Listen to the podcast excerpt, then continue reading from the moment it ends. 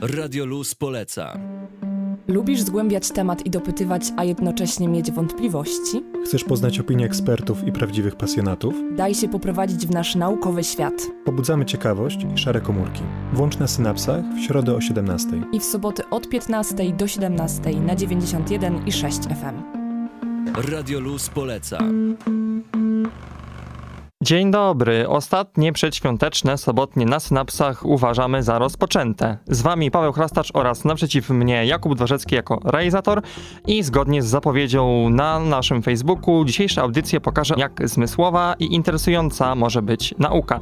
Zaczniemy może paradoksalnie nie od tych największych smaczków, ale mimo wszystko od równie ciekawego tematu, czyli po prostu właśnie nauki, edukacji, a powiedzą o tym dwie gościnie, które należą do Studenckiego Koła Naukowego Nauczycieli SOWA, które działa przy Uniwersytecie Wrocławskim. Od nich zaczniemy, a później porozmawiamy sobie o tym, jak każdy, każda z nas patrzy na świat oraz o tym, jak pracować w biurze podczas zdalnych lekcji, a nawet w radiu ergonomicznie i od tego również mi się udało załatwić odpowiednie osoby. Dlatego do godziny 17 skoncentrowana dawka nauki w Akademickim Radiu Luz. Włącz się miejsko. Wiadomo, włączamy się miejsko, bo we Wrocławiu dzieje się dużo także w kwestii nauki i edukacji.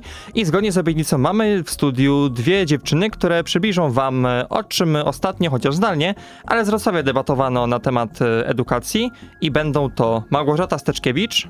Dzień dobry, witam wszystkich. Oraz Aleksandra Kropczyk. Dzień dobry, witam wszystkich.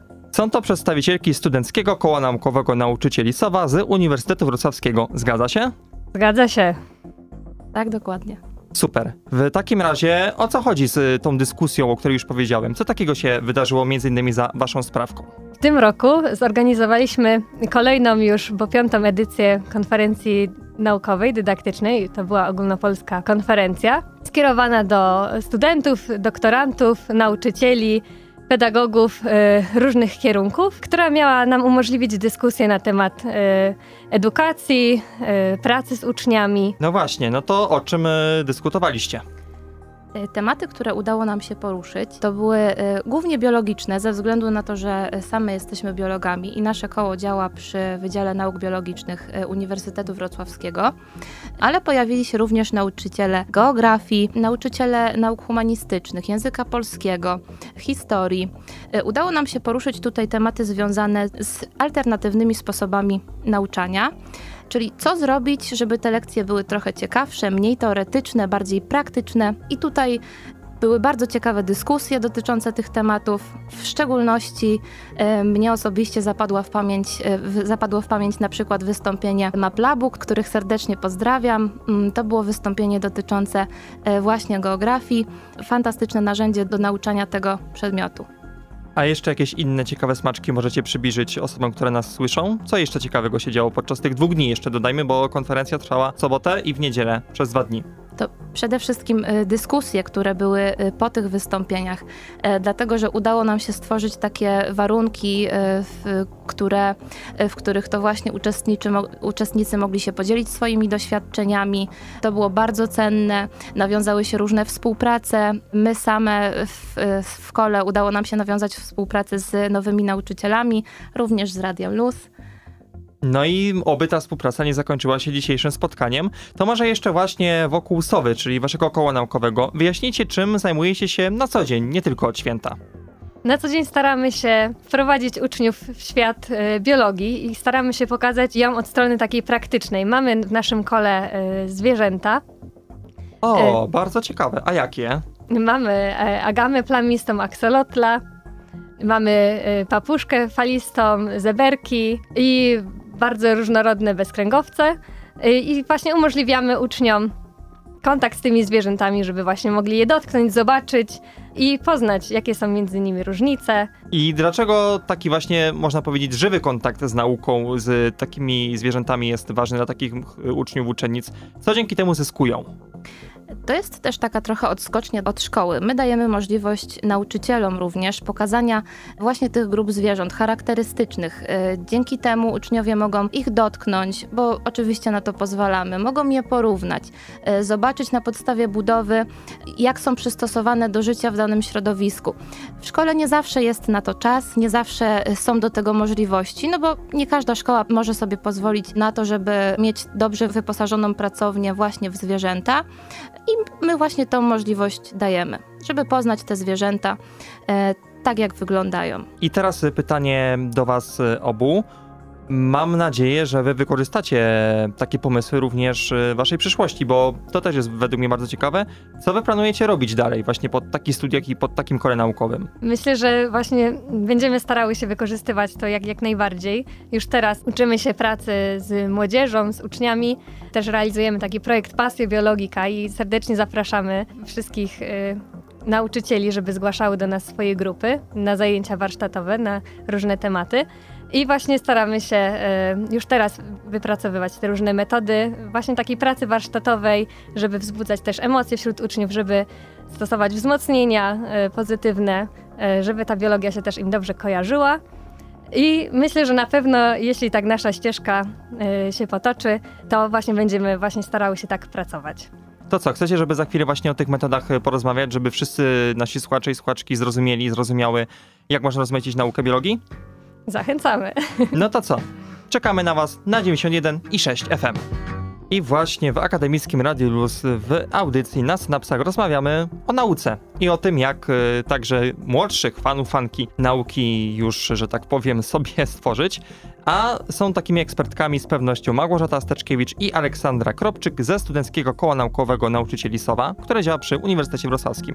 To może teraz y, pytanie do Aleksandry, która akurat y, z tej dwójki jest nieco bardziej doświadczona, więc y, w jaki sposób właśnie starasz się naszych najmłodszych fanów, fanki tą nauką, zwłaszcza biologii, no teraz to źle brzmi, ale tak zarażać. W tym momencie y, ja już uczę w szkole, zaczęłam od września i powoli staram się wdrażać te wszystkie nowoczesne technologie, y, alternatywne pomysły, wprowadzać w życie. W pewnym stopniu się to udaje. Wiadomo, że nie każdy temat y, na razie jestem w stanie zrealizować. Cały czas szukam tych pomysłów. Natomiast to, co do tej pory udało się zrobić, to chociażby lekcja o porostach na terenie szkoły. Uczniom się bardzo podobało. Zadanie polegało na tym, że musieli znaleźć porosty. W grupie, w, pracowali w grupach, musieli odnaleźć te porosty, oznaczyć, y, spróbować wyznaczyć y, skalę zanieczyszczenia powietrza i później y, wypełnić kartę y, pracy dotyczącą tych, y, tych ćwiczeń. Kolejną taką rzeczą było na przykład zapoznawanie się z budową nerki i tutaj przyniosłam faktycznie nerkę, ner, nerkę wieprzową. Te nerki kroiliśmy, tam udało nam się wyznaczyć wszystkie struktury. Uczniowie nie bali się dotykać. Też wydaje mi się, że w taki sposób lepiej udało im się zapamiętać tą budowę. No i również takie prostsze doświadczenia, takie jak chociażby wykrywanie tłuszczy czy, y, czy białek, ale zawsze jeżeli coś pokażemy, to na pewno dłużej zapadnie w pamięć niż tylko opowiemy. A czy oceniacie również, e, powiedzmy, sukcesy waszych podopiecznych e, w taki suchy sposób, czy jednak w tej kwestii też jakieś mamy inne, ciekawsze metody, żeby nie tylko się tymi jedynkami, dwójkami i tak dalej, i tak czego się chyba wszyscy tutaj baliśmy te kilkanaście lat temu? Y, No, ja staram się nagradzać tak naprawdę każdą, każdą formę aktywności ucznia, y, czy to poprzez plus, czy jakąś y, nawet wyższą ocenę, czwórkę, piątkę, również taką pochwałę słowną, bo to dla uczniów jest również ważne, że zrobili coś dobrze, że, że dobrze sobie poradzili z tym zadaniem. Natomiast później już, no, jak przychodzi ta weryfikacja, czyli sprawdzian, to faktycznie się sprawdza, bo, bo uczniowie te rzeczy, które robią praktycznie, faktycznie, faktycznie zapamiętują. I tutaj na sprawdzianie z porostów właściwie cała klasa była w stanie wymienić właśnie formy plech y, porostów, y, w jakiej formie występują. Także sprawdza się to. Ja się właśnie obawiam, bo ja dawno miałem lekcję biologii już ładnych parę lat temu i chyba te dzieciaki będą teraz mądrzejsze ode mnie dzięki wam. No, miejmy taką nadzieję, że, że więcej zapa- zapadnie im w pamięć i ta wiedza gdzieś tam pozostanie. I że będą umiały ją wykorzystać w praktyce potem w codzienności. Tak, e, i wiecie, mam teraz jeszcze jedną bardzo ważną myśl. Co mogłybyście przekazać rodzicom właśnie dzieci, które nieważne, czy mają takie oceny, czy takie, po prostu wszystkie dzieci nasze są kochane. Jak rozmawiać właśnie z dziećmi o edukacji? Jak jako rodzice zwłaszcza, czy, czy ich rodzina, rodzeństwo powinniśmy rozmawiać e, z nimi? Myślę, y, że temat oceny właśnie też był poruszony na naszej konferencji dydaktycznej i tam y, padła taka bardzo ciekawa myśl, która mi zapadła w pamięci, że właśnie czasem bywa tak, że jak uczeń dostaje tą trójkę, to że on się czuje trójką, a właśnie tak nie powinno być, że my oceniamy tą działalność, że na przykład nauczył się, opanował materiał e, dostatecznie, ale że nie on jest dostateczny, bo każdy z nas ma wyjątkowe talenty, wyjątkowe cechy, każdy z nas no, wnosi coś ciekawego do tego świata, więc myślę, że właśnie to jest bardzo ważne, żeby patrzeć na tych uczniów indywidualnie, na swoje dzieci indywidualnie i wspierać ich jak się tylko da najlepiej.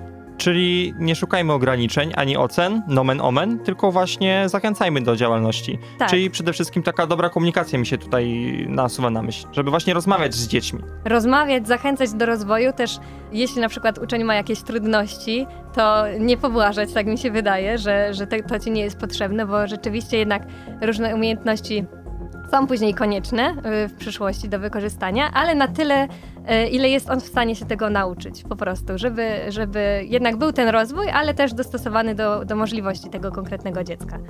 Czyli nomen omen tego naszego luzu powinno właśnie być trochę tej Potrzeba, relacji. potrzeba tego, Potrzeba luzu, tego zdecydowanie.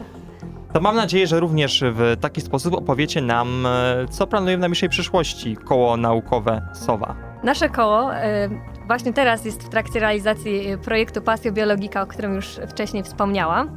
Y, Także zapraszamy grupy uczniów na razie ze szkoły podstawowej, ale jeśli będą Państwo ze szkół licealnych mieli ochotę się również do nas zgłosić, to zapraszamy do kontaktu. Jesteśmy też otwarci na nowe propozycje. Y, Zachęcamy też y, osoby z innych kół naukowych do współpracy z nami. Jesteśmy chętni y, tworzyć nowe różne projekty, żeby właśnie szerzyć też świat nauki, rozwój osobisty w ciekawy sposób. Jeszcze jeśli chodzi o pasję biologika, to ja może dodam, e, czym jest w ogóle ten projekt. E, Tutaj mamy e, około 15 tematów, które realizujemy głównie z uczniami szkół podstawowych, ale tak jak Gosia wspomniała, zapraszamy również licea. I to są właśnie te tematy, w które możemy zrealizować w taki sposób praktyczny, czyli z naszymi zwierzętami, z roślinami, które mamy w sali, tak żeby ta nauka była ciekawa. No to co? Żeby to wszystko się udało, trzeba się z wami skontaktować. Jak to zrobić? Mamy naszą stronę na Facebooku, Studenckie Koło Naukowe Nauczycieli Sowa, także zachęcamy tam do kontaktu. Jesteśmy również dostępni na Instagramie SKNN Sowa, także czekamy na wiadomości, zapraszamy do kontaktu. Tak, ja też dokładam się do tego zaproszenia i miejmy nadzieję, że też z waszym kołem naukowym będzie mi po drodze i chyba możemy już y, dzisiaj zaprosić na następną edycję konferencji, którą będziecie organizować, bo z pewnością ona się odbędzie. Tak, na pewno się odbędzie, prawdopodobnie również e, w przyszłym roku. To będzie już szósta edycja e, w grudniu. Tak, więc zapraszamy już teraz, ale oczywiście za rok z pewnością też się pewnie pojawicie w radiu, jak nie wy, to ktoś inny, bo zakładam, że jest was y, dużo takich aktywnych osób y, w kole naukowym nauczycieli SOWA i za takie przedstawienie tego, że od najmłodszych lat warto interesować się nauką, dziękuję bardzo moim rozmówczyniom, czyli Małgorzacie Steczkiewicz oraz Dziękuję bardzo. tak, oraz Aleksandrze Kropczyk. Również dziękuję. No super, aż się same rwiecie do podziękowań. No, no idealne do współpracy, także rzeczywiście jeszcze nie raz tu się chyba usłyszymy. Także Miejmy jeszcze raz nadzieję. Wam dziękuję. Tak, tak. I życzę Wam powodzenia w skończeniu studiów na Uniwersytecie Wrocławskim. Dziękujemy bardzo. Warto patrzeć na życie z wielu różnych perspektyw i mam nadzieję, że to, co przygotowałem dla Was na najbliższą ponad godzinę, będzie rzeczywiście bardzo interesującą rozmową, ponieważ e, moje plany, można powiedzieć, udało się zrealizować. A o co chodzi? Już Wam tłumaczę z gościnią, która właśnie wprowadzi Was w naprawdę wyjątkowy świat tego, jak nomen omen, mimo iż jesteśmy w radiu, patrzymy na świat. Cieszę się, że moje ambitne plany mają szansę się zrealizować, ponieważ prawdopodobnie będziemy mieli okazję się spotkać e, oby z wszystkimi przedstawicielami, przedstawicielkami Akademii Uwenum Politechniki Wrocławskiej, ale zacznijmy właśnie od osób, które też nie mogły się wręcz doczekać e, takiej możliwości. Jest e, tutaj z nami członkini prezydium Akademii Uwenum, e, doktorka inżynier architektury Marta Rusnak. Cześć! Dzień dobry, cześć. Działasz na co dzień przy katedrze historii, architektury, sztuki i techniki, prawda? Zgadza się. Tam, tam zrobiłam doktorat. Tam trafiłam po e, studiach na architekturze i ochronie zabytków, więc to było takie bardzo organiczne przejście. Jak właśnie te studia i twój doktorat przebiegały? Czym się zajmowałaś? Na studiach zajmowałam się głównie projektowaniem. Tam wielkiej nauki nie było, chociaż robiłam jakieś badania m, z, m, z profesor Choroską odnośnie tematu em, piwnic piwnych w Świdnicy. To był taki jedyny jakiś naukowy styk. Natomiast na doktorat trafiłam trochę przez przypadek i przez poczucie niedosytu tego, że mm, jestem osobą ambitną i nie chcę być like everybody else. Więc właściwie na, natrafił się profesor, który powiedział, a Marta, właściwie fajnie gadasz, a może byś zrobiła tam jakąś pracę. Trochę nie wiedziałam, co zrobić, no ale lubiłam muzea, lubiłam em, obiekty poprzemysłowe i tak to skompilowałam i zajęłam się właśnie adaptacją obiektów poprzemysłowych na funkcje muzealne i ekspozycyjne w Polsce. No i też tak to sobie badałam, rozpoznając w ogóle, czym jest nauka i, i przechodziłam różne mm, wzloty, upadki, rozczarowania. Stawiałam sobie coraz to nowe mm, pytania, no a, a później... A później właściwie po doktoracie, po urodzeniu pierwszego dziecka, trochę byłam tym sfrustrowana i, i, i z tej frustracji właściwie wszystko się zrodziło. Bardzo późno, e, bo właściwie jestem e, w ostatnim roku, w którym mogę aplikować, mogłam aplikować. Zresztą e, mój wspaniały kierownik zadzwonił do mnie i mówi: Marta, czy ty przypadkiem w ogóle nie powinnaś złożyć z tych dokumentów? A ja mówię: Ale jakich dokumentów? Na Akademię Wen, ale ja już nie jestem taka młoda. A on mówi: No nie, no, tak sobie policzyłem i chyba możesz. No więc y, złożyłam rzeczywiście, dostałam się, byłam bardzo zaskoczona i dalej jestem em, zaskoczona e, tym, co, co się dzieje. Bo jest to projekt y, niezwykły, który pozwala mi spojrzeć na te moje różne problemy z innych perspektyw i, i właściwie coś, co było dla mnie bardzo trudne, teraz staje się nagle osiągalne, bo, bo mam wsparcie. Jak właśnie ono wygląda na co dzień? Możemy powiedzieć, że dzieli się to wszystko na, na takie elementy, które możemy zaplanować, które były w, w tym e, schemacie akademii, czyli szkolenia, e, spotkania, seminaria, ale chyba największym wsparciem jest po prostu czas spędzany z tymi bardzo interesującymi, kolorowymi ludźmi, którzy po prostu mają doświadczenia wielokrotnie o wiele dalej idące e, niż moje. Mogę bezpośrednio się ich zapytać, poradzić.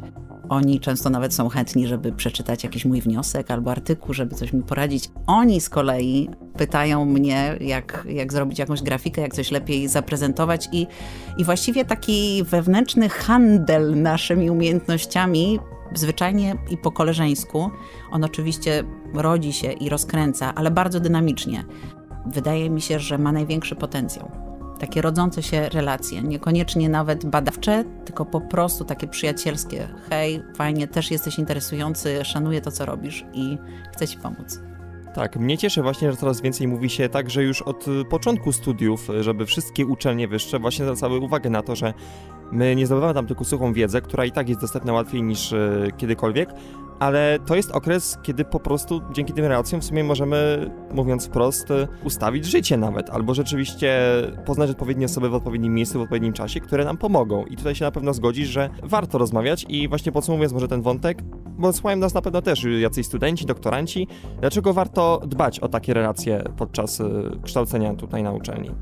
To jest esencja wszystkiego, mam, mam wrażenie. Jeżeli w katedrze, jeżeli na uczelni, na wydziale dzieje się źle i ludzie ze sobą nie rozmawiają, to w oparciu właściwie o co budować wspólną wizję. Wiadomo, że nie będziemy nigdy jednogłośnie, ale nawet w tych sporach powinniśmy wiedzieć o swoich różnicach. A w przypadku chęci budowania zespołów badawczych, no po prostu powinniśmy znać swoje mm, zalety, wady, po prostu czysto ludzko, tak? Mm, I, i, I tylko właściwie w, takich, w takich relacjach jesteśmy w stanie bardzo dynamicznie działać. W ogóle często jest tak, że mówię o czymś y, jakiemuś koledze albo koleżance z akademii, co, co jest dla mnie nieosiągalne, albo rzucam jako problem, że tego nie rozwiązałam, a on mówi, a słuchaj, oni to tam mają, albo przeczytaj to, albo tamto, tak? Więc y, no co, co dwie głowy to nie jedna, a co 24 to już w ogóle. Także mam nadzieję, że ten program e, w najbliższych latach będzie się wyłącznie rozwijał i rzeczywiście może nawet i setki doktorantów, doktorantki, przede wszystkim już doktorów, doktorki takimi programami nasza pojedynka mogłaby objąć. Założenie jest takie, że co roku 24 osoby przychodzi. E, jesteśmy na dwa lata, ale już nawet po tych trzech miesiącach ja widzę, jak, jak dużo zyskałam. Znaczy, na razie jeszcze one się nie zmaterializowały, bo, bo te mm, el- jakieś artykuły czy działania, które zaczynam na przykład mm, z Grzegorzem Serafinem, no pewnie przyniesie mm, No tak, ja wiem, jakieś że, przyszłości, że, że, ale, tworzenie ale tego czujemy to. Trwa, ale chodzi mi o to, że te efekty widać, może nie, nie widać, tylko czuć. Czujesz to już w O sobie. właśnie, tak, o, bo jeszcze, bo, tak, tak, tak, czuję pozytywną energię, jestem w ogóle bardzo, bardzo tym nakręcona, aż, aż jestem zaskoczona, bo myślałam, że to będzie takie bardziej formalne na początku, że trzeba spełnić jakieś oczekiwania, prawda, kogoś, a tutaj rzeczywiście mamy taką swobodę, naprawdę dość dużą, którą dam nam rektor, e, prorektor e, Orzychar i nasza opiekunka, e, wspaniała Kasia Weron, że właściwie jesteśmy w dużej mierze bardzo sami sobie sterem, żeglarzem i okrętem. I to jest fantastyczne. Dajemy jakieś pomysły, nie wszystkie spotykają się z akceptacją, ale większość z nich w jakiś sposób się finalizuje i znajdzie, ma, rzucamy jaki jest problem i generalnie chodzi o to, żeby go rozwiązać. I, i, i to jest fantastyczne, że, że, że jest miejsce, w którym możemy otwarcie powiedzieć o swoich problemach i, i uczelnia na razie w ramach takiej małej organizacji stara się sprostać tej potrzebie. Radio Luz. Włącz się lokalnie. Dzisiaj w studiu rozmawiamy z Martą Rusnak, która jako członkini Akademii Juvenum z pewnością, co już mogliście usłyszeć, może zaskoczyć tym, jak kreatywnie potrafi ona patrzeć na rzeczywistość. Zatem Marto, rozmawiajmy dalej właśnie na temat e, spoglądania na świat. A ja właśnie złapię ciebie za słówko, które powiedziałaś, bo mówiliśmy o żeglarstwie. No to Marto, taki sprawdzian, no jakbyś miała powiedzieć, e, który z naszych narządów takiemu marynarzowi chyba jest najważniejszy, najbardziej przydatny, no to na co byś postawiła? Mózg. No dobrze, a po mózgu? No bo, o, a może jakiś inny narząd, który współpracuje z mózgiem? No, oczy oczywiście. Oczy, oczywiście. I czy to był przypadek, że akurat chodzi mi o oczy? Że akurat zaczynamy od... Nie wydaje mi się. Otóż Marto i przede wszystkim drodzy słuchacze, drogie słuchaczki, mimo iż jesteśmy w radiu i słyszycie nas y, w komputerach, telefonach, radioodbiornikach, to postaramy się wam opowiedzieć o tym, jak niezwykłe są właśnie nasze oczy i jak dużo można ciekawego powiedzieć o tym, jak patrzymy. I w twoim przypadku, Marto, dziedzina, która to wszystko bada, nazywa się okulografią, prawda? Albo inaczej eye trackingiem. Tak, myślę, że eye tracking brzmi bardziej sexy. Dobrze, także możemy przy tym pozostać, czyli ten eye tracking, y, Marto. Dlaczego to jest tak fascynujące? I przede wszystkim, y, dlaczego to badasz? Badam to, tak jak już wspomniałam, trochę przez przypadek, w wyniku pewnej frustracji. Architekt zajmuje się głównie wizualnością, chociaż oczywiście mm, inne aspekty też są dla nas istotne, to jednak reprezentujemy te wszystkie elementy poprzez wizualizację, rysunki, schematy, przekroje. No i taką pochodną są oczywiście opisy, które też de facto czytamy. Zajmowałam się tą adaptacją obiektów e, poprzemysłowych na funkcje muzealne i, tam tak byłam sfrustrowana bardzo, że jeden profesor mówi, że tak trzeba, drugi, że tak trzeba. No część rzeczy jakby byłam w stanie zmierzyć, na przykład kwestie ekonomiczne, policzyć, czy rzeczywiście jakaś opcja jest tańsza albo droższa, bo profesorowi się nie chciało i tutaj miałam, miałam rzeczywiście odpowiedź, ale w kwestii estetycznej e, no to było niemierzalne e, niejako. Tak? I, I, i, teraz zostałam po doktoracie z takim zawieszeniem i właściwie byłam trochę sfrustrowana. Może po prostu tych profesorów nie należy pytać. Tak mnie to denerwuje, że się powołuje na nich, a oni są tacy głupi i po prostu nawet piszą coś i, i nie policzą tego, tak? No to była, to była taka moja wielka frustracja i, i, i z tym zawieszonym pytaniem jakby właściwie zwykłych ludzi o to zapytać, a jednocześnie nie, żeby nie, nie używali języka, który jest tak indywidualny i trudny do porównania, jakbym mogła to zrobić obiektywnie. I wtedy przyszedł mi z ratunkiem Cristiano Ronaldo. To może być zaskakujące, ale, ale tak jest, bo robię różne rzeczy oglądam różne, różne nie wiem, programy, książki. No i na co też przede wszystkim lubisz ruch i aktywność? E, tak, tak, e, tak, zdecydowanie. Jestem niespokojną duszą e, pod tym względem. I w, tym, w tym programie, zresztą bardzo łatwo znaleźć to na internecie, mm, on jest badany jako taka hipermaszyna, e, niesamowity mm, futbolista i tam drybluje, skacze, biega i tak dalej, no i także strzela. No i mm, pewne aspekty właśnie były badane przy pomocy okulografu, czyli założyli mu na głowę specjalne mm, okulary, tak, w którym z jednej strony śledziło się to, co on widzi przed oczyma, z drugiej strony odpowiednio skalibrowane inne kamery, prawda, urządzenia, aparatura e, badała to, jak zachowują się jego, jego oczy i w ten sposób na tym filmie pojawiały się punkty, które mówiły o tym, gdzie w danym momencie patrzy. I to jest właśnie istota okulografii. No i wtedy on tam strzelał, a ja myślę sobie, jejku, przecież olśnienia dostałem, przecież ja mogę też śledzić wzrok i właściwie bez słów pytać o pewne rzeczy ludzi, tak, jak oni reagują na zmiany, czyli na przykład pokazać im, jak było przed i podobnie skonstruowanej grupie, jak było po i porównać, jaki jest efekt, czy dużo ten zabytek stracił uwagi, albo w jaki sposób to się zmieniło w ogóle. No i już pięć dni później byłam umówiona na szkolenia i trackingowe w Warszawie. Także no to było takie olśnienie w ogóle, jakaś taka ekstaza, że znalazłam odpowiedź. Tak? Mimo iż aktywnie nie szukałam, to, to ta odpowiedź przyszła sama. Właśnie, zatem rozwijmy szerzej temat eye trackingu od podszewki. Na czym on polega? Eye tracking, czyli po prostu badanie tego, gdzie ludzie patrzą, tak? Czyli mm, mamy mm, bardzo dużo, już cztery rodzaje e, eye trackerów bo różne środowiska, na różne elementy patrzymy. Czyli mm, po pierwsze, taki najbardziej prosty e, okulograf pozwala nam na poznanie tego, jak ludzie patrzą na bodźce płaskie, głównie na ekranie. Czyli na przykład, jeżeli chcemy sprawdzić funkcjonalność jakiejś gry czy strony internetowej, E, to pod monitorem, na której ta gra czy strona jest wyświetlana, jest taka listwa, która wysyła w stronę naszych gałek ocznych odpowiednio strumienie światła podczerwonego, które w sposób niewidoczny dla nas tworzą e, najczęściej 4 albo 5 odbić na każdej z gałek ocznych i kamerka właśnie też podczerwona rejestruje, gdzie te odbicia są. I po odpowiedniej kalibracji osobniczej, bo każdy z nas ma inne oczy. Czyli każdy patrzy inaczej, bo się ciśnie już to pytanie, żeby zadać. Mm, zostawmy to w zawieszeniu, tak? tak? Każdy, każdy patrzy Czyli inaczej. odpowiedź będzie nie taka prosta. E, nie, okay. Tak, tak, bo po dobrze. pierwsze każdy ma inaczej zbudowane oczy. To jest pierwsze różnice jakby mm, osobnicze. Druga kwestia to są różnice psychologiczne i sytuacyjne, tak? Kontekstu, bo to jest bardzo, bardzo złożone i wielowarstwowe. Jeżeli poznamy, jakby skalibrujemy to, tą osobę, no to mamy pewność, że ona patrzy w konkretnym punkcie przez dany okres czasu, tak, nie wiem, czy przez ileś milisekund i możemy zarejestrować i matematycznie później przeanalizować, w jakiej kolejności, ile razy wracał do jakiego miejsca, jak dużo skakat wy, wykonał, bo tam są fiksacje, czyli takie zatrzymania wzroku.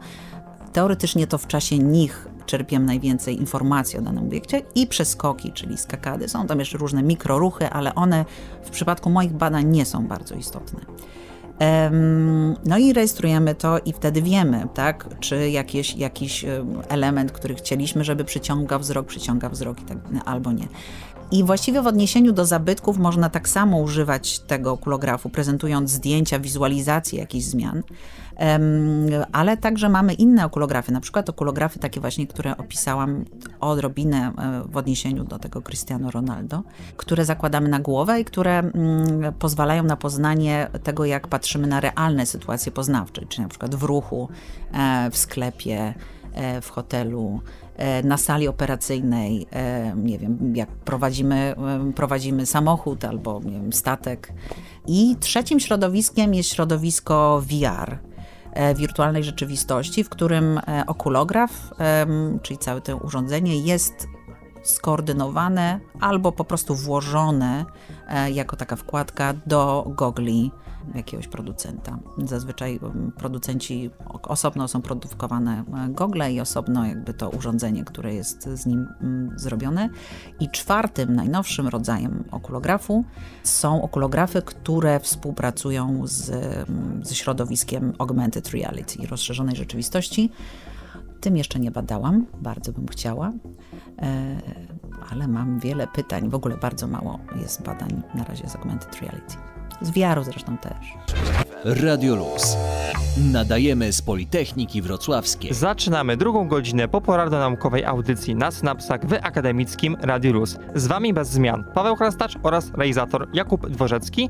I również bez zmian nasza gościni, doktorka architektury Marta Rusnak, z którą omawiamy to, jak e, ciekawą pasją dla niej jest okulografia, jak e, patrzymy na świat. Dlatego tym bardziej, Marta, nie mogę się doczekać e, dalszej części rozmowy. Ale może przejdźmy chronologicznie według tej kolejności. Przede wszystkim już jako architektka, jako poszukująca odpowiedzi na wiele pytań, Jakie były Twoje pierwsze wnioski i kolejne oczywiście związane na przykład z Wrocławiem, które już udało Ci się osiągnąć? W ogóle takim marzeniem po przeprowadzeniu pierwszych badań i zorientowaniu się, jak duży to ma potencjał, było to, żeby dać ludziom głos. Zwykłym. Ale oczami, tak? Dać ludziom głos oczami trochę, tak. Właśnie. Dlaczego mhm. tak można zrobić? Proces opieki nad zabytkami jest bardzo, bardzo osobliwy, tak? bo z jednej strony te zabytki mają jakichś swoich właścicieli, e, którzy mają ambicje, żeby coś z nich zrealizować, a z drugiej strony no jednak to jest dziedzictwo całego narodu, a może nawet świata, tak już jak będziemy górnolotnie mówić. No więc jest to kontrolowane przez pewne urzędy, tak? Urząd Konserwatorski w ramach prawa. Natomiast ostatecznie często to prawo odrywa się od tych potrzeb społecznych. I mieliśmy takie, takie różne sytuacje, nie, jedne. I w jednym ze swoich artykułów właśnie badam taką sytuację, w której były silne protesty społeczne względem e, decyzji konserwatorskiej, zresztą we Wrocławiu, odnosi się to do Ostrowa Tumskiego, gdzie był chroniony krajobraz kulturowy, chroniona dominanta w postaci wieży katedry. I de facto w moich badaniach okazało się, tylko bez tych ram prawnych, prawda, że protestujący mają rację, że coś, co nawet nie jest wysokie, e, nie jest olbrzymie, sprawiło, że katedra z pewnego punktu widzenia w panoramie frontu wodnego przestaje być dominantą. Czyli de facto złamane zostało prawo. No i, i, i tutaj powstało pytanie o skuteczność mm, tych narzędzi kontrolnych, tak? I takie pragnienie, żeby na tyle osadzić te badania okulograficzne, że jak już będzie naprawdę tak ekstremalnie, albo nie wiem, konserwator coś na złość, tak? Bo, bo, ma jakieś tam naciski polityczne, zablokuje jakąś interwencję, a ona wcale nie łamie tego przepisu. To żeby ten inwestor mógł się odwołać i udowodnić, że ma rację. I w drugą stronę, że jeżeli konserwatorowi zarzuca się upolitycznienie jakiejś decyzji, to on będzie mógł przebadać to i udowodnić, sorry, nie tym razem, tym razem mam rację i rzeczywiście jest to e, wiarygodne, tak? I w ogóle do takich spraw estetycznych właściwie sądy są bezradne, no bo co mają sądzić, tak? A tutaj, jeżeli coś zmierzymy, będzie odpowiednia metodologia badań, to pewne aspekty są do obiektywnego rozpoznania. Jakie one są, te aspekty? Co możemy co możemy wiedzieć? Czy na przykład pewien obiekt jest dominujący, czy na przykład nowa rozbudowa nadto nie zabiera uwagi od zabytku, tak, że na przykład patrzymy głównie na nowy obiekt, a teoretycznie to ten stary miał być jakimś dziedzictwem, tak, czyli pozwoliłoby to na przykład w przypadku badań takich krajobrazowych, opieki nad jakimiś kompleksami urbanistycznymi, na stworzeniu wytycznych, które nie mówiłyby tylko proszę zachować formę tego i tego jako dominanty, tylko rzeczywiście na nadanie mm, konkretnych wytycznych, tak, że jeżeli to jest dominanta, to oznacza, że najprawdopodobniej muszę na nią patrzeć albo jako pierwszą, albo najdłużej muszę na nią patrzeć, tak. E, I to są rzeczy, które dzięki okulografii można przebadać e, obiektywnie. A w takim razie, jak ta metodologia badań jest y, przez Was maksymalnie dopracowana i o tym też chyba właśnie trochę usłyszymy, żeby te wyniki, mimo iż patrzymy, na razie upraszczając jednak y, indywidualnie i różnie, żeby te wyniki były po prostu możliwie potwierdzone naukowo, dosłownie. To jest znowu e, historia jak cebula. Ma wiele warstw. Tak, tak. Tak, także tutaj e, znowu odwołując się do Szreka, to, to jednym z pi- pierwszych aspektów jest to, kogo badać. Tak, czy będą to młodzi, czy będą to starzy. I tutaj jest kwestia po prostu homogeniczności tej grupy badawczej. I tutaj no, tu trzeba po prostu korzystać z doświadczeń badań in, z innych dziedzin. Drugą kwestią jest to właśnie, co już wcześniej wspomniałeś, o tym, że każdy z nas patrzy inaczej. Ale dlaczego patrzymy inaczej? Bo mamy różne doświadczenia i mamy różne ukryte motywacje. No i te nasze mózgi, które też wcześniej wspomniałaś, też się różnią. Też się różnią, oczywiście, tak? Ktoś, a poza tym nasze narządy wzroku są różnie zbudowane. Jedni mają więcej kubków receptorowych odpowiadających, nie wiem, za odczuwanie koloru czerwonego, a inne, tak? Więc różnie wrażliwi jesteśmy. No i wady wzroku oczywiście też. I wady wzroku, oczywiście, które w przypadku badań okulograficznych e, trzeba eliminować, co też tak naprawdę może ktoś powiedzieć, że to nie jest dobre, bo właściwie dlaczego przecież ci z upośledzonym wzrokiem też patrzą? No ale nie jesteśmy w stanie wtedy naukowo stwierdzić z czasami z czego wynika to odchylenie, więc no musimy mieć takie hiperpatrzaczy, że tak powiem, którzy, którzy, którzy są do zdiagnozowania i jesteśmy w stanie ich opisać jakąś grupą, tak, zamknąć w jakimś worku e, co pozwoli nam na, na mówienie, że porównujemy teoretycznie dane zebrane od osób o podobnych predyspozycjach. Te predyspozycje odpowiednio badam, ale, ale ich jest tak wiele warstw, że właściwie no, chociażby w aspekcie tego, co teraz badam w, w ramach grantu miniatura, mm, chociażby to, że każdy z nas w różnym stopniu jest zanurzony kulturowo. Jedna osoba zna jakiś krajobraz i zna jakiś e, zabytek, a dla drugiej jest to przeżycie jakby e, emocjonalne, bo nie wiem, e, w Koloseum się oświadczyła komuś, tak? Tak, albo pojechała już z mężem na wycieczkę po, po, Tak, po i ślubie, nie? dokładnie. I to są wspomnienia, I to są w tej osobie. Mm, Dokładnie, więc y, mm, i, i, i w ogóle takie wychowanie na przykład, tak, no coś, co dla nas jest ikoną narodową, na przykład, nie wiem, Zamek Królewski albo Wawel, tak, E, podejrzewam, na razie hipoteza, e, że patrzenie na zmiany w odniesieniu do tych obiektów będą zupełnie inne niż ktoś, kto, nie wiem, przyjedzie z Chin i to będzie dla niego pierwsze, mm, pierwsze doświadczenie. No i vice versa, jak my tam pojedziemy, to również jest Exactly. zupełnie inna kultura i, i budynki, i wszystko, wszystko wokół. Mm, Do, dokładnie, tak. No i teraz mm, jakby moje bardzo duże, moją bardzo dużą wątpliwość e, budzi to, czy w ogóle uda mi się zbudować takie wytyczne dotyczące właśnie tego zanurzenia kulturowego, że będę w stanie powiedzieć, że te dane pozyskane od takiej, takiej grupy osób jednocześnie służą interesowi społecznemu, tak? No bo dlaczego z drugiej strony ja, wrocławianin, nie mogę być na przykład przebadany, bo będę na przykład bardziej reagował na te zmiany, tylko ma być badany na przykład Chińczyk. Dlaczego jego wzrok ma decydować o tym, co się dzieje na przykład we Wrocławiu? Tak, to już taki ekstremalny przykład, ale, mm, ale tych pytań jest e, cały, cały szereg. No innym w ogóle aspektem tego jest to, że w przypadku badań ja muszę wywołać w tych osobach przez bardzo krótki okres czasu taką samą intencję poznawczą. Kontynuujemy rozmowę z dzisiejszą gościnią, która działa w Akademii Juvenum i to w niebyle jakim miejscu, bo w jej prezydium. Jest to doktorka, inżynierka, architektka Marta Rusnak, która działa, co oczywiste, przy Wydziale Architektury Politechniki Wrocławskiej. Załóżmy, że patrzę na ciebie, tak, i nie wiem, mam ochotę kupić sobie słuchawki, no to wtedy będę patrzeć na twoje słuchawki, tak? A jeżeli, nie wiem, e, mam ochotę kupić sweter, no to najpierw popatrzę i będę patrzyła, jaki masz fajny sweter.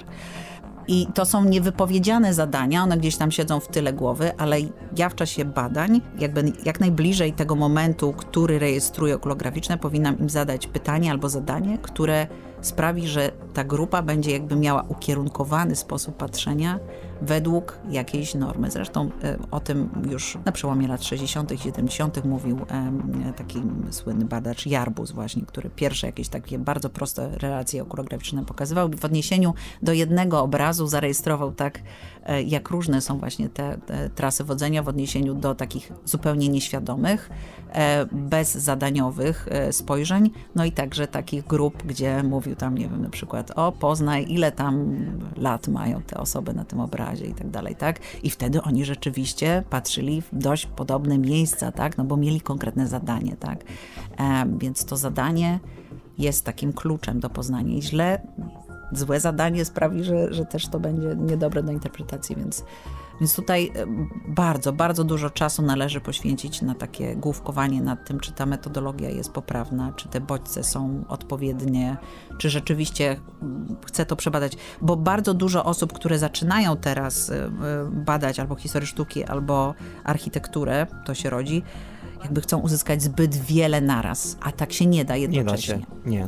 Więc, więc, więc to jest takie, wiele osób jest rozczarowanych, że jakby często potrafię odpowiedzieć na jedno proste pytanie moim badaniem, które trwa długo, ale być może będzie to łatwiejsze, jeżeli połączę w przyszłości te badania okulograficzne z innymi technikami, nie wiem, pomiaru oporności elektrycznej skóry albo EEG, ale to na razie jest uu, daleko przed tak, ale z drugiej strony doceniamy ciebie, bo ty jesteś już dzisiaj ze swoją wiedzą, z którą tutaj przyszłaś, jedną z nielicznych osób nawet na świecie, która ma tak unikalny zestaw wiedzy jak ty.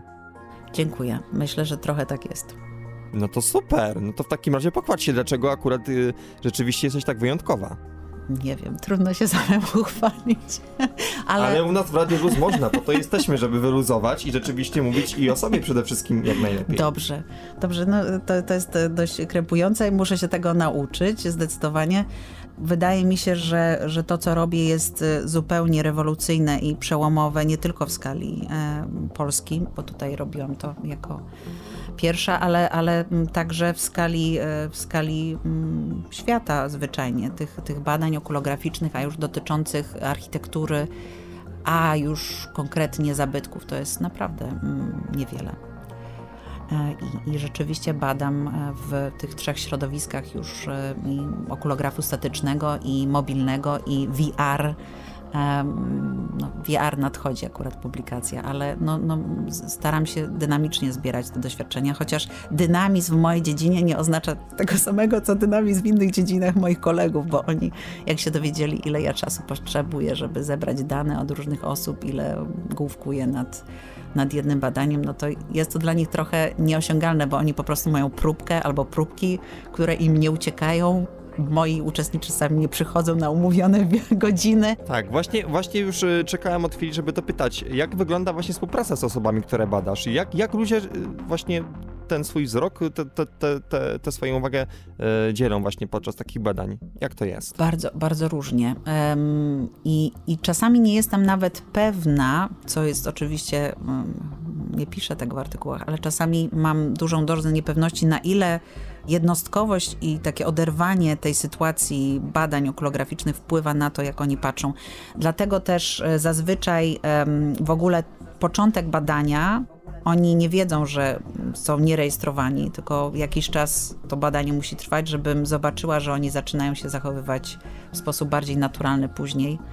A szczególnie było to zauważalne w przypadku badań VR, gdzie ludzie zachowywali się naprawdę tak dziwacznie, i ostatecznie myślę, że jeszcze nie dorośliśmy jako społeczeństwo i my jako badacze, żeby jednoznacznie ocenić e, efekty tych badań, o czym zresztą będzie mój kolejny artykuł. Na synapsach wracamy do rozmowy z doktorką Martą Rusnak, która jest architektką i jest e, członkinią prezydium Akademii Uvenum, która zrzesza najbardziej zdolnych doktorów e, i doktorki właśnie na Politechnice Wrocławskiej. Skończyliśmy na temacie wykorzystania wirtualnej rzeczywistości w Twoich badaniach okularowych okulagraficznych. Serio, to, że nawet dla mnie jest ciągle nowe pojęcie. Doradziłaś nam przed chwilą, żebyśmy zainteresowali się tematem. Więc mam nadzieję, że doczytamy sobie o tym więcej, ale właśnie może taką zajawkę teraz nam zdradzisz, co właśnie w tym VR-ze, w tej technologii wymaga takiego dopracowania na już, najszybciej. chyba nasze oswojenie się z tą technologią jest Czyli największym. paradoksalnie nie technologia, tylko ludzie. Tak, technologiczne rzeczy są bardzo szybko dopracowywane. Na przykład to, że nie miałam e, w czasie moich badań na przykład podglądu zachowania e, gałek ocznych obu, już zostało usunięte i już w nowych e, okulografach jest to zrobione. Został zgłoszony problem i on został rozwiązany. Natomiast to, że ludzie po raz pierwszy zakładają na przykład okulograf połączony z VR, że nie wiem, korzystają z tego po raz drugi, na przykład siadają, patrzą na jakieś wnętrze, tak, które im prezentuje, jest za, mm, wizualizacją i nagle zauważają, nie mam nóg, tak? No i te dane już będą do odrzucenia, tak, bo ta sytuacja to ich zdziwienie i jakby przerwanie tego, że oni się zdziwili tym patrzeniem na swoje nogi względem mojego pytania, które im zadałam, no już sprawia, że muszę te dane odrzucić, wyeliminować, bo one już nie są homologiczne. Tak, albo w momencie, kiedy ktoś e, sobie nagle uświadomi, że rzeczywiście ma tego gra, albo w ogóle sam proces ich używania, on też jest e, w naszej świadomości, nawet e, może już podświadomości. My, my, my wiemy mniej lub więcej, że one są, czyli to nie jest sytuacja tak, jakby rzeczywiście na coś byśmy spoglądali. Tym bardziej, że te e, gogle jeszcze dodatkowo wyposażone w okulograf dużo ważą.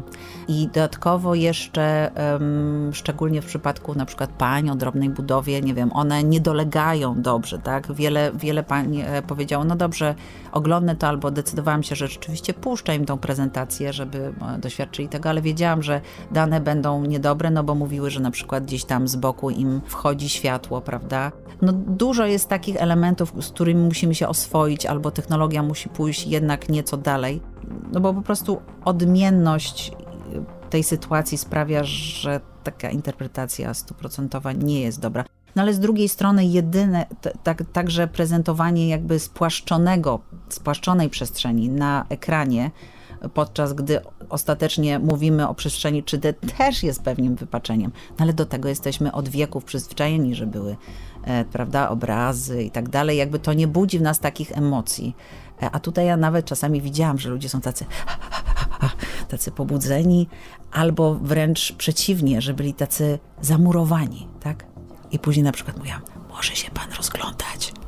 I wtedy dopiero zaczął się ruszać, tak? No natomiast jeżeli nie dałabym bodźców, tak, czy jakichś takich fałszywych wnętrz, których nie badałam wcześniej, tylko od razu puściła im to badane wnętrze, na którym mi rzeczywiście zależało, no to już miałabym spalone badania, tak? Czyli no to jest, to jest cała, cała sztuka, że, że też najczęściej badania przeprowadzam jeszcze w trybie takim próbnym, żeby wykryć jakieś podstawowe błędy albo Także w tym wiarze okazywało się, że ludzie byli bardzo zdenerwowani, że za krótko im puszczałam tą wizualizację, bo chcieli dłużej na to patrzeć, więc e, wiedząc, że i tak na przykład 8 sekund e, nagrane będę mogła porównywać też z badaniami, które były wcześniej wykonane e, i na to mi wskazywała metodologia też wypracowana, że te 8 sekund można postulować, że będą porównywane, no to oni chcieli oglądać, nie wiem, 20 albo 30 sekund, bo inaczej po prostu byli zdenerwowani. To, to już? To już po prostu, i tak, co wydłużało czas badań, ale, ale jednocześnie sprawiało, że miałam pewność, większą pewność, że oni są po prostu zadowoleni. No i, i, i tutaj to, ta, ta praca jednak z człowiekiem wymaga takiego mm, dużego, dużej elastyczności i otwartości. E, Tak, tak samo zresztą jak sam proces badania, w którym, nie wiem, ja sadzając osobę przed monitorem, nie muszę jej dotykać, a zakładając jej gogle, no jednak, prawda, mm, jest to takie bardziej intymne, prawda, muszę więcej czasu poświęcić na to, żeby, nie wiem, poprosić uprzejmie, no widzi pan tutaj ta, te okulary, to tam może przesunie pan jakoś tak je, bo są niedostosowane, albo nie wiem, panią trzeba poprosić, czy mogłaby zdjąć spineczkę, bo coś tam się nie układa, tak, a ona mówi, no nie, nie mogę. No i co wtedy? Tak, no więc, no więc są takie sytuacje, które są śmieszne i są sytuacje, w których czuję się trochę bezradna E, i na to jakby nikt na moich studiach mnie nie szykował. W ogóle jest tak wiele wyzwań e, e, badawczych i, i, i, ta, i, ta, i ta inność bardzo mnie rozwija. No i dlatego mamy aż tyle tematów do rozmów, więc te wyzwania, Marto, no to, no to, no to na czym się skupiacie w najbliższej przyszłości? Teraz e, realizuję grant e, miniatura, w którym e, poszłam m, właściwie jeszcze przed jego złożeniem do katedry w którą, którą kieruje profesor Asiejczyk. I tam e, spotkałam zresztą Martę Szmigiel, która, którą kiedyś spotkałam na konferencji, ale jakoś tak nie wiem, po prostu pogadałyśmy chwilę i okazuje się, że oni po prostu badają mm, wzrok E, zajmują się optyką. E, i, i, i tutaj jakby cała, cała gama badań e, wspólnych, które będziemy chcieli prowadzić właśnie w celu tego, żeby zobaczyć jak odchylenia optyczne, czyli na przykład wady wzroku albo mm, percepcja, odchylenia w percepcji barwnej będą wpływały na odchylenia, e, odchylenia rejestracji, bo w moich poprzednich badaniach właściwie tylko w ankiecie takiej wstępnej deklaratywnie pytam się, czy masz tam, nie wiem, jesteś daltonistą albo czy dobrze widzisz, prawda, nie wiem, tam masz wadę taką, ja taką, ale de facto naukowo, no czy ja mogę im zaufać wszystkim no fajnie by było zobaczyć, czy rzeczywiście na ile ta deklaratywność się sprawdza, bo być może wystarczająco się sprawdza, tak, i te odchylenia nie będą duże. Natomiast teraz właśnie w tym, w tym grancie miniatura, po pierwsze, żeby uzyskać bardzo dobre wyniki wiarygodne, e, to badamy ten wzrok, więc jakby celem jest badanie to kulturowego zanurzenia bodźców, ale żeby to nie wynikało z innych błędów, no to badamy wszystkich bardzo szczegółowo, będziemy badać wszystkich bardzo szczegółowo pod względem tego, jak widzą barwnie, jaką mają wadę wzroku, czy widzą dwuocznie, czy mają skorelowane osie y, widzenia. No, no tak, więc całe badanie będzie wydłużone, natomiast jedynie to da nam gwarancję, że te dane i te odchylenia będą rzeczywiście dotyczyły tego, czego chcemy. A projekt y, ile docelowo będzie trwał? Miał trwać rok, ale już e, dostałam wydłużenie o pół roku, ponieważ e, no, trudno jest teraz realizować te badania w czasie pandemii w takim tempie, jak zakładaliśmy. Najprawdopodobniej ruszymy z, z kopyta w lutym, tak zakładamy. Szczerze mówiąc, liczyłyśmy na to, że jednak ta pandemia i ten szczyt zachorowań nie będzie tak duży. E, musimy to, te badania prowadzić w gabinecie opto, e, optometrysty i no nie jest on wielki e, i ma swoje ograniczenia, więc nie, moż, nie jakby tempo badań zwolniło połowę albo o dwie trzecie, bo nie możemy po prostu na zakładkę tych osób badać, tak? Że jeżeli na przykład jedne osoby mm, testujemy względem optycznym, a, a inne pod względem e, eye trackingowym są w innym pomieszczeniu, a kolejne jeszcze na przykład wypełniają ankietę, tak? Czy znały te, te obiekty, które oglądały. No więc, no więc ta pandemia trochę tak krzyżuje. No w, w ogóle w tamtym roku nic nie przebadałam. E, nic, a nic. Ale miałam dobre rezerwy, więc e, dalej jeszcze mam rezerwy i jeszcze go publikować, no ale na ile tych rezerw wystarczy. Włącz się miejsko. W synapsowej rozmowie z doktorką architektką Martą Rusnak, zajmującą się okulografią, bardzo ciekawym zagadnieniem, Mówiliśmy przed chwilą o twoich rezerwach. No, niestety, skoro padło w rozmowie, no to teraz wszyscy nasi słuchacze i słuchaczki będą trzymać kciuki, żeby ich yy, uzupełnienie było możliwe. Przede wszystkim, żeby przyszli na badania. No Zapraszam. No właśnie, no ja wiem, z jednej strony też pomyślałem, że mówiliśmy tyle o kontekście, ale mam nadzieję, że to, że ktoś właśnie słyszy tyle o tych badaniach i o tym na co zwracać uwagę, to nie wypaczy jednak wyników i ktoś może rzeczywiście, kto nas słyszy, się zgłosić.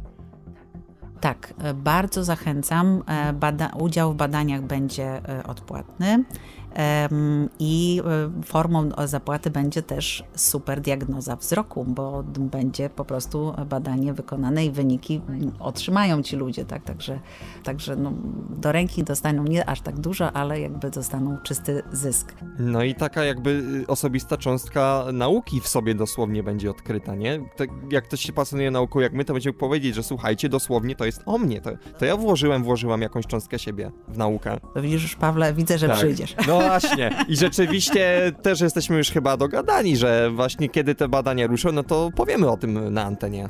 Super, super. Mogę nawet nagrać po angielsku e, zaproszenie, bo, bo bardzo liczę na to, że przyjdą jednak też, e, bo, bo jedną grupą rekrutacji będą właśnie Polacy mieszkający we Wrocławiu już od jakiegoś czasu.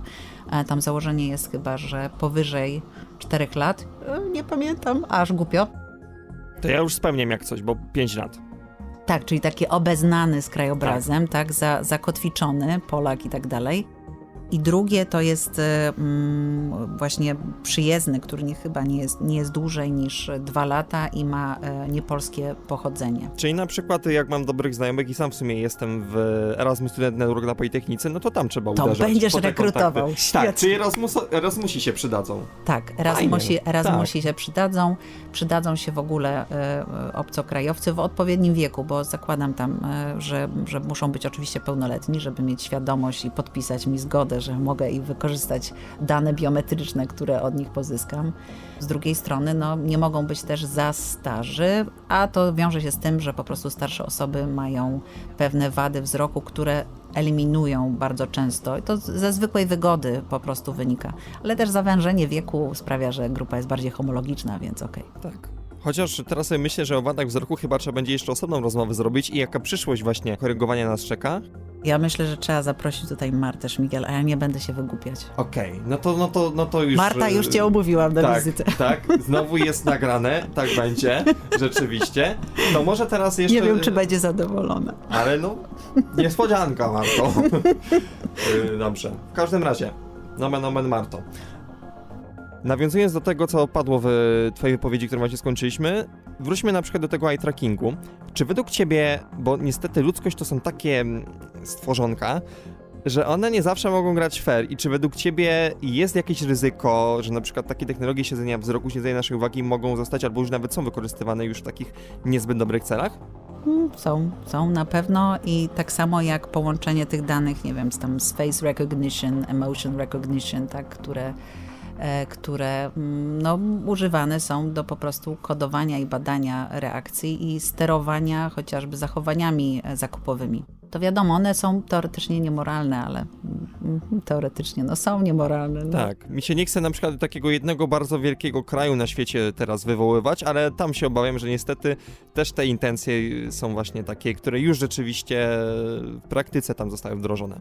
E, Ja myślę, że w ogóle wielu em, polityków też chciałoby wiedzieć, jak oddziałują ich spoty reklamowe, na przykład tak, na ile jest skuteczna kampania, a właściwie każdy z nas ma kamerkę, każdy z nas patrzy na jakieś wiadomości. I... Ale też na przykład w miastach mamy przecież pełno kamer. I w wielu instytucjach, w wielu placówkach. Tak, zga, zgadza się. Mm, y, Natomiast no, każdy kij ma dwa końce, bo można użyć tego, tych narzędzi e, bardzo e, no, in- interesownie, ale z drugiej strony ten eye tracking może nam pomóc w skuteczności na przykład, nie wiem, procesu edukacji. W jaki sposób? No to, to już jest rozpracowane. Y, Mam, mam, miałam przyjemność, zresztą niestety znowu przez COVID nie, nie udało mi się pojechać na staż do pani profesor Halszki Jarockiej z Uniwersytetu w Herlen e, w, w Holandii. I ona jest e, specjalistką od właśnie diagnozy sposobu edukacji, głównie wśród dzieci, ale także prowadziła na przykład eksperymenty odnośnie tego, jak e, studenci medycyny zdobywają wiedzę w laboratoriach, e, takich e, eksperymentatoriach. I, I wtedy oni właściwie dostają pełną diagnozę tego, czy można podglądnąć, jak się rzeczywiście zachowałem, tak? Czy zadziałam intuicyjnie, czy jednak skontrolowałem to na tym urządzeniu, które chciałem, tak? Więc to jest mm, pierwszy aspekt. Drugi aspekt to jest to, jak na przykład przygotowywać pewne materiały, tak? Czyli możemy przetestować je. I badanie naprawdę różnych sposobów albo dysfunkcji tego, jak na przykład pomóc, nie wiem, dyslektykom w czytaniu jakiegoś tekstu, tak? Albo, no, nie wiem, osobom z, jakąś, z jakimiś innymi zaburzeniami, tak? No bo podglądnięcie tego procesu sprawia, że mamy wiedzę, jak on wygląda i możemy e, lepiej, lepiej, lepiej to opisać, no bo przecież nie jesteśmy w stanie wedrzeć się do mózgu. No, a, a, a te oczy są no, takim bardzo, bardzo, ponieważ są połączone z obrazem, są bardzo atrakcyjnym elementem interpretacji zachowań ludzkich, tak? Znacznie bardziej atrakcyjnym, chociaż pewnie Agnieszka Uryga mnie zaraz tutaj ukręci e, z Akademii Venum, niż jakieś rejestracje abstrakcyjnych fal mózgowych, prawda? Które, które no, trzeba przetwarzać i tak dalej i, i, i jakby ponieważ są oderwane od, od, od codzienności, tak, czy nie wiem, puls i tak dalej, to, to są jakby takie bardziej odległe, tak? I, Tak. A, a, a wzrok i, ta, i to, że nie wiem, no przecież my ja tu, patrzymy, ja tu tak? zarzucę klasykiem, no, czy te oczy mogą kłamać? No No, no, od razu. No. tak, I od razu wszyscy wiedzą, o co Tak, chodzi, wszyscy tak. myślą, a nie jakieś tam fale, nie fale, nie. No widzisz, chyba o to chodzi właśnie. No. No, no, no, no dokładnie, to, to znaczy to wszystko oczywiście jest połączone, tak, ale wzrok jest jakby takim najbardziej reaktywnym i takim autentycznym e, sygnałem, tak? Zresztą część z, tych, część z tych wczesnych reakcji jest w ogóle nie do skontrolowania, tak? Jak coś się pojawi w polu mojego oka, to ja muszę tam spojrzeć, tak? Jak się pojawi kolor czerwony, no to zazwyczaj tam popatrzę, tak? Więc część rzeczy jest takich e, po prostu e, rozwojowych, zwierzęcych, po prostu wynikających z ewolucji i tylko częścią z tych procesów my jesteśmy w stanie świadomie sterować. I to jest fantastyczne, że ponieważ, ponieważ na co dzień nie zastanawiamy się, jak patrzymy i gdzie, to, to, to, re, to zazwyczaj rejestruje się jednak takie swobodne te, te relacje. E, nawet jeżeli damy jakieś zadanie, no to każdy z nas w inny sposób zrealizuje to zadanie. No ale to zbuduje się, prawda, badając na przykład, nie wiem, 30-40 osób, zbuduje się pewien obraz, tak, jak średnio ludzie długo patrzą, albo gdzie zazwyczaj jako pierwszy patrzą i tak dalej. No więc, więc to jest, to jest takie, takie atrakcyjne I, i wydaje mi się, że w ogóle nie mam problemów tutaj z prezentacją tych wyników właśnie, tak? No bo, bo one są połączone z obrazem i na, narysowanie na przykład obszaru, który analizowałem, powiedzenie, popatrzcie, na ten patrzyli jako pierwszy, na ten jako drugi, na ten dłużej, tutaj wracali często, tak? Jakby bardzo prosto ludziom sobie to wyobrazić, tak? Bo, no bo każdy rusza tymi oczami, tak? A nie każdy myśli o tym, że tam jakieś synapsy stykają w głowie. No to jest bardziej oderwane od codzienności. Trzeba myśleć, bo to w końcu audycja na synapsach, więc nie możemy pominąć Tak, nie nic. bezpodstawnie tutaj. Tak, także te nasze oczy czy mózgi rzeczywiście współpracują. Dlatego bardzo Tobie dziękuję za dzisiejszą współpracę. Nasza rozmowa ukaże się wkrótce na naszym Mixcraftie na synapsach, ponieważ naprawdę tak e, ciekawej pogadanki nie można nie udostępniać gdzie się da. Rozmowa z takimi osobami jak Ty jest e, dla nas e, w redakcji Poboru Naukowej wielką przyjemnością. Za Twoje wyjątkowe spojrzenie na świat e, dziękuję w imieniu właśnie całej redakcji. A mówimy o naszej dzisiejszej gościni, doktorce architektce Marcie Rusnak z Wydziału Architektury Politechniki Wrocławskiej. To członkini prezydium Akademii Juvenum, która dzięki naszemu rektorowi od października wspiera 24 najzdolniejszych doktorów i doktorki pracujących naukowo na Politechnice Wrocławskiej. Yeah, yeah. Ostatnimi dniami, tygodniami mam bardzo często do czynienia z przedstawicielami lub przedstawicielkami Uniwersytetu Medycznego we Wrocławiu i ta dobra passa będzie trwać. W dzisiejszej rozmowie będę miał dwie rozmówczynie, które z pewnością pomogą każdemu z nas, każdej z Was w tym, żeby właśnie w czasach e, covidowych, e, czasach pracy zdalnej, rzeczywiście zadbać o to, żeby nasze ciała miały się dobrze pomimo takiej sytuacji. I w naszym studiu mamy dzisiaj podczas tej rozmowy magisterkę fizjoterapii Agnieszkę Koziczak. Cześć. Cześć, cześć wszystkim. Oraz y, panią docent Aleksandrę Królikowską, również z Uniwersytetu Medycznego im. Piastów Śląskich we Wrocławiu. Dzień dobry wszystkim. Tak, i pani Aleksandra była promotorką y, prasy magisterskiej Agnieszki, która została doceniona. I to jest właśnie pretekstem y, tego, że tutaj się widzimy. Także rozwijmy, co to był za konkurs i za co została Agnieszka nagrodzona. Był to konkurs Krajowej Izby Fizjoterapeutów na najlepszą pracę magisterską obronioną w tym roku. Temat mojej pracy to było porównanie wpływu płaskiej i z żelową poduszką podkładki pod mysz komputerową na aktywność wybranych grup mięśniowych. Skąd taki temat? Temat zaproponowała mi moja promotorka, która zajmuje się ergonomią, więc stwierdziłam, że E, może być to bardzo ciekawe, szczególnie z racji po prostu teraz pracy zdalnej e, w czasach pandemii, że będzie to po prostu temat bardzo pomocny dla wielu ludzi. Czyli to jest ten klasyczny przypadek odpowiedniego tematu w odpowiednim miejscu, w odpowiednim czasie. Zatem e, mamy pytanie do pani Aleksandry. Dlaczego warto było to zbadać? Znaczy się, ja w ogóle może powinnam zacząć od tego, że pracuję w samodzielnej pracowni ergonomii i monitoringu biomedycznego, w związku z czym wszystkie badania, które ja robię i do których staram się zachęcać e, swoich magistrantów, są właśnie bezpośrednio związane z działalnością, że tak powiem, naszej jednostki.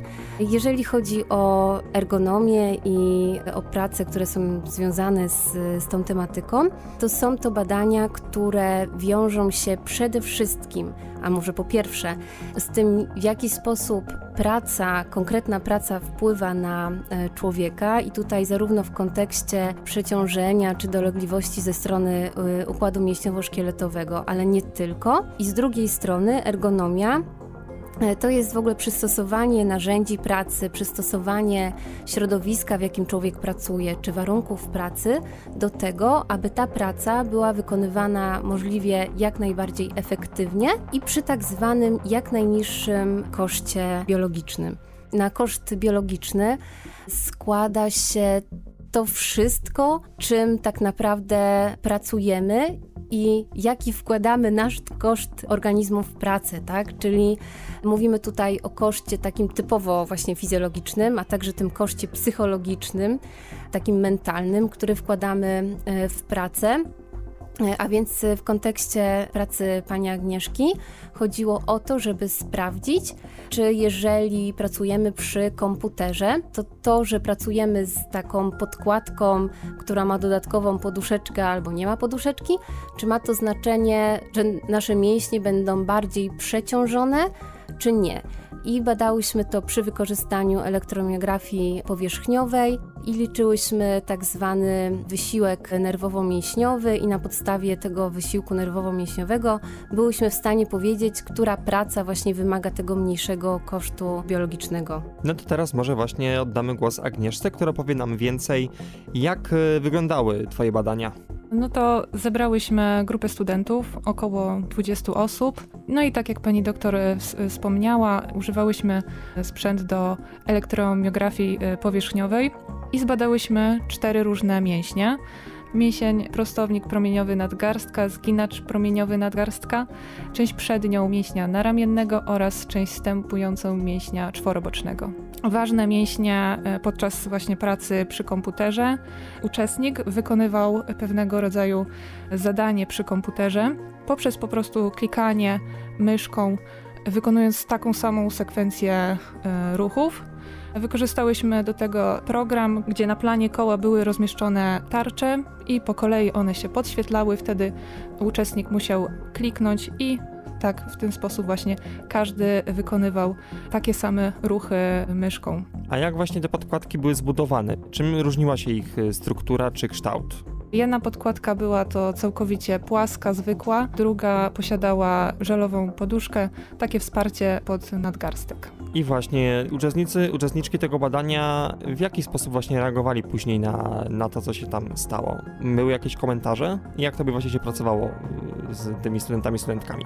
Wiele osób y, miało po raz pierwszy styczność z taką podkładką, więc mówili po prostu, że im niewygodnie, bo po raz pierwszy ułożyli po prostu rękę na takiej y, i że wręcz mogła im trochę przeszkadzać, bo nie byli przyzwyczajeni. To jest właśnie pytaniem, czy to, że to było coś nowego, mogło mieć wpływ na to, jak e, wyniki badania się ukształtowały. Czy wy macie to uwzględnione właśnie podczas pracy? Tak, wspomniałam o tym w pracy magisterskiej, że sam fakt, że właśnie studenci mieli po raz pierwszy styczność z tego rodzaju podkładką, mogło mieć to wpływ na wyniki. I właśnie jakie są te wyniki, Agnieszko? Wyniki może nie są jakoś super zaskakujące. Niestety nie ma statystycznie istotnych różnic pomiędzy pracą e, z podkładką płaską, a z żelową poduszką. Wysiłek nerwowo-mięśniowy przy pracy na obu podkładkach był na, e, na poziomie umiarkowanym. Więc wnioskiem jakby z naszej pracy było to, że obie podkładki są ergonomiczne, ale musimy też wziąć tutaj pod uwagę to, że byli to studenci fizjoterapii, którzy mają też dużą świadomość na temat y, ergonomii pracy i samo to, że mieli oni dobrą postawę podczas y, pracy przy biurku i to, że całe stanowisko było dobrze przystosowane tak do zasad ergonomii, mogło wpłynąć właśnie na to, że że praca przy obu podkładkach okazała się taka, że te mięśnie nie miały takiego dużego wysiłku. Dziękuję Wam za takie wprowadzenie do bardzo ważnego tematu ergonomii pracy, która również jest ważna dla nas tutaj w Radiolus, ponieważ my spędzamy mnóstwo czasu właśnie siedząc przed naszymi laptopami, komputerami w studiu, żeby rzeczywiście te audycje przygotować. Dlatego w skrócie w imieniu moich dzisiejszych gościń, czyli pani docentki Aleksandry Królikowskiej, która działa w samodzielnej pracowni ergonomii i monitoringu biomedycznego na Uniwersytecie Medycznym im. Piastów Śląskich we Wrocławiu oraz e, jej, e, można powiedzieć, e, nagrody między innymi, czyli mm, właśnie takiej doskonałej dziewczyny, która skończyła studia fizjoterapii, która jest również pasją pani docent, czyli mówię o Agnieszce Koziczak, która właśnie teraz wyjaśniła wam, za co Krajowa Izba Fizjoterapeutów nagrodziła jej właśnie magisterkę. Dlatego też w ich imieniu szybciutko wam jeszcze mogę dodać, że w trosce o waszą prawidłową pozycję i też y, mówię to w sumie do siebie i do reszty moich kolegów, koleżanek z radia, nie siedzimy bez przerwy. Co kilkadziesiąt minut y, wstajemy od komputerów, od biurek, ruszamy się, rozciągamy się, staramy się patrzeć w dal, bo to, o czym właśnie teraz y, wspomniała Agnieszka, nawet takie technologie, które już badamy, czy bardziej ergonomiczne stanowiska pracy, one nam nic nie dadzą, jeśli po prostu będziemy siedzieć bez ruchu, bo ciało człowieka po prostu tak działa, że nam bez ruch szkodzi, więc zachęcamy też Was, żeby Radia Luz słuchać również aktywnie, na przykład podczas spacerów y, ze skławkami, czy biegania, czy jazdy na rowerze. No może akurat nie, nie na drodze, tylko na przykład w parku, ale wiecie, bezpiecznie mam nadzieję da radę się to ogarnąć.